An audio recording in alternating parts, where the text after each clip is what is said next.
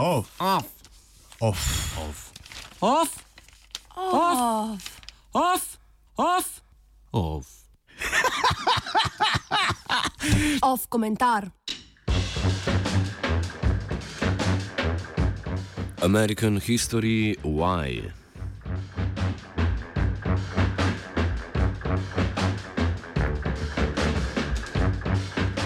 Kar se je med vikendom dogajalo v Charlottesvillu, Virginiji, ne bi smelo nikogar, ki spremlja politične in kulturne tokove v ZDA, presenetiti.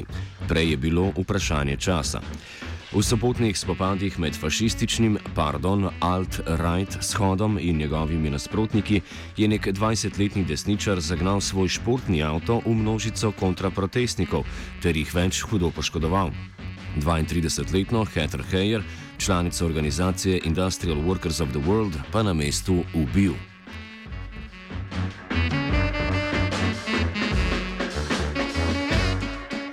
Postavimo dogodek v kontekst. Vsebinsko izpraznjena in krhajoča se liberalna hegemonija v ZDA je v zadnjih letih porodila številne simptome, od začetka gibanja Black Lives Matter leta 2014, navdušanja nad Berniejem Sandersom in vsaj delne diskurzivne rehabilitacije termina socializem do Trumpove kandidature in izvolitve ter gibanj in organizacije na desnici, ki sta jih slednji pospešili. Radikalizacija, ki je potekala na obeh straneh političnega spektra, je polje boja za družbeno moč spremenila v vojno z več frontami, ki je rečeno pavšalno vse bolj spominja na klasično troedinost radikalci, liberalci, konzervativci z vsemi pripadajočimi podvrstmi.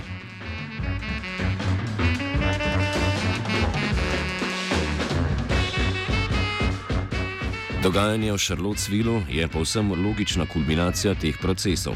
V središču mesta so 60 let po koncu ameriške državljanske vojne postavili park in kip v čast konfederacijskemu generalu Robertu E. Leeju v znak sprave s prebivalci južnih držav.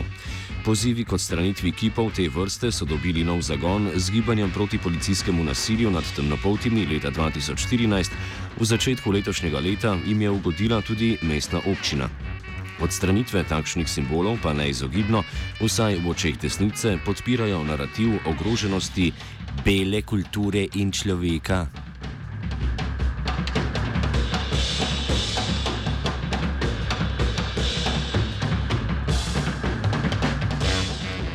Kot podarja Angela Nagel, avtorica že malo preveč hajpane knjige Kill All Normies, sta Trumpova kandidatura in izvolitev mobilizirali do tedaj dosti bolj pasivne, vsaj v smislu politične organizacije izven spleta, desničarje in konzervativce.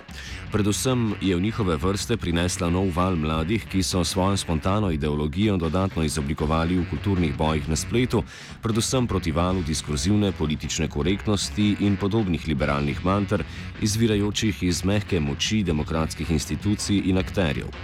Svoj boj razumejo kot točno to, kar je. Boj, boj proti hegemoniji, ki umira, vrtanje luken v to, kar razumejo kot usiljene tabuje in norme, naj si bo to tolerantnost do priseljencev, vprašanja spolne enakopravnosti, razrednih razlik ali kulturna dediščina belega človeka.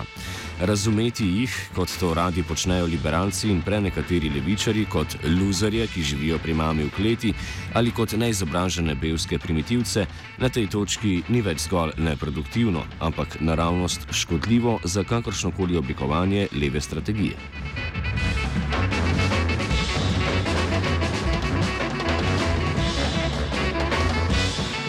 Temu bi najverjetneje pritrdil tudi Arthur Rosenberg, predavatelj na Berlinski univerzi in aktiven član Nemške komunistične partije.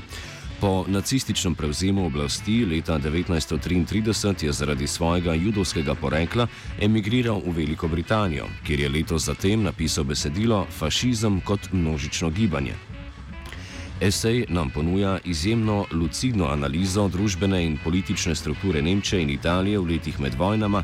Ena njegovih osrednjih tez pa je, da je bila ideologija, ki jih danes pravimo fašistična, precej razširjena po Evropi že pred Prvo svetovno vojno.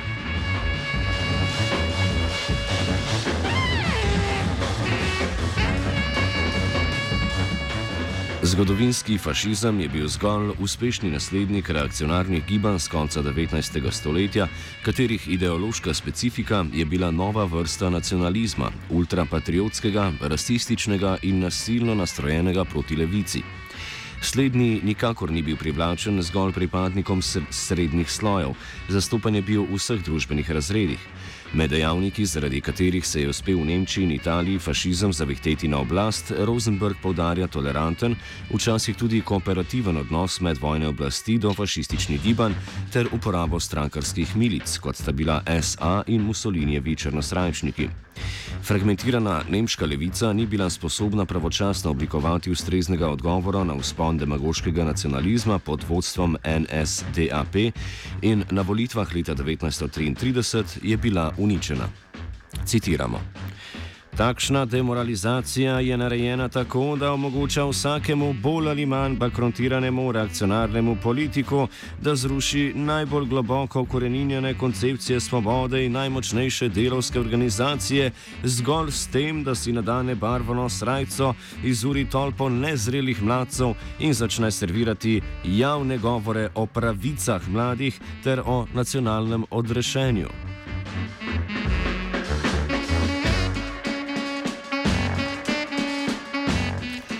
Cilj shoda v Charlottesvillu, kot izda tudi njegovo ime Unite the Right, je bila homogenizacija novo nastalega desnega gibanja. Med najavljenimi govorci in udeleženimi je bila večina vidnejših ideologov alt-right gibanja, med njimi Richard Spencer, Jason Kessler, Baked Alaska, Based Stickman in drugi. Na vabilo so se odzvale tako tradicionalne organizacije skrajne desnice, kot je klan, kot številne nove. Ker je Virginija država, ki dovoljuje odkrito nošnja orožja v javnosti, so udeležence tudi pozivali naj pridajo oboroženi. V petek zvečer se je skupina več stotih zbranih z baklami podala na pohod čez mesto proti cerkvi, kjer je skupnost pretežno temnopoltih izvajala spravno molitev.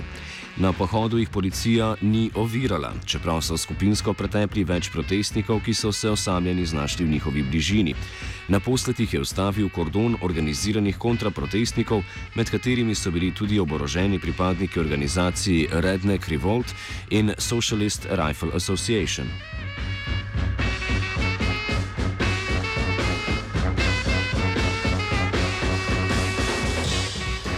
Naslednji dan so načrtovali ponoven pohod čez mesto in zasedbo parka s kipom, pri čemer so naleteli na veliko številčnejši odpor kot prejšnji večer.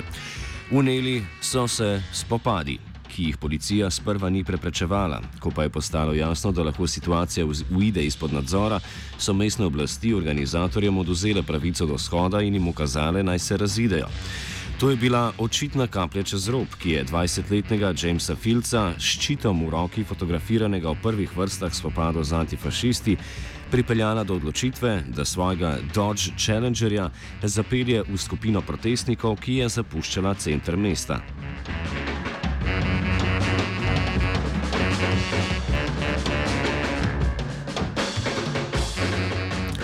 Nismo ravno črnogledi, če zaključimo, da je to šele začetek nasilnih obračunov. Liberalno obsojanje nasilja obeh strani ni nič drugega kot impotentno povdarjanje osebnih vrednot in prepričanj, ki se razblinijo ob prvem srečanju s fašistično falango. Desničari so iz Charlottesvilla na vkljub objektivnemu porazu odšli z občutkom zmage, profilirali so se kot kredibilna grožnja. Dobili so tudi potrditev, da jih predsednik, ki je v mladšem odzivu na dogodek povdaril obstoj več stališč, vsaj delno legitimira. Imajo podporo vsaj enega dela državnega vrha, če tudi ta del ni ravno popolne moči oziroma nima ravno popolne moči znotraj državnih struktur. To je povsem dovolj za nadaljni zagon in mobilizacijo. Let the games begin.